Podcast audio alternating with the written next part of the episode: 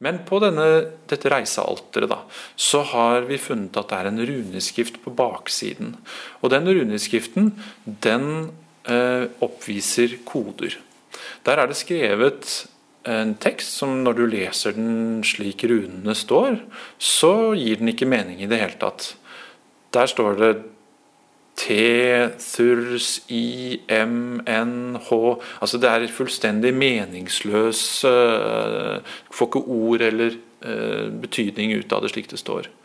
Mens derimot, hvis vi bruker Cæsar-skifferet, uh, så kan vi forflytte oss én plass langs runealfabetet, futarken, og så finner vi at hvis vi bruker den etterfølgende runen i runealfabetet for å løse opp hele denne teksten, så får vi budskapet på lin 'min søster'.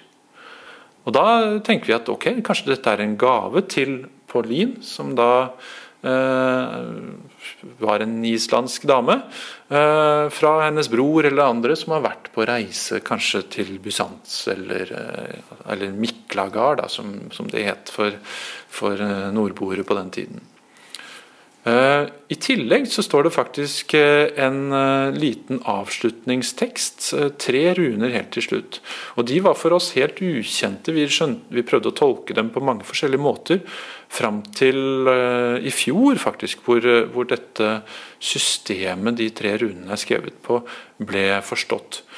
Ehm, de samme tre runene forekommer på fem forskjellige innskrifter spredd over hele Skandinavia.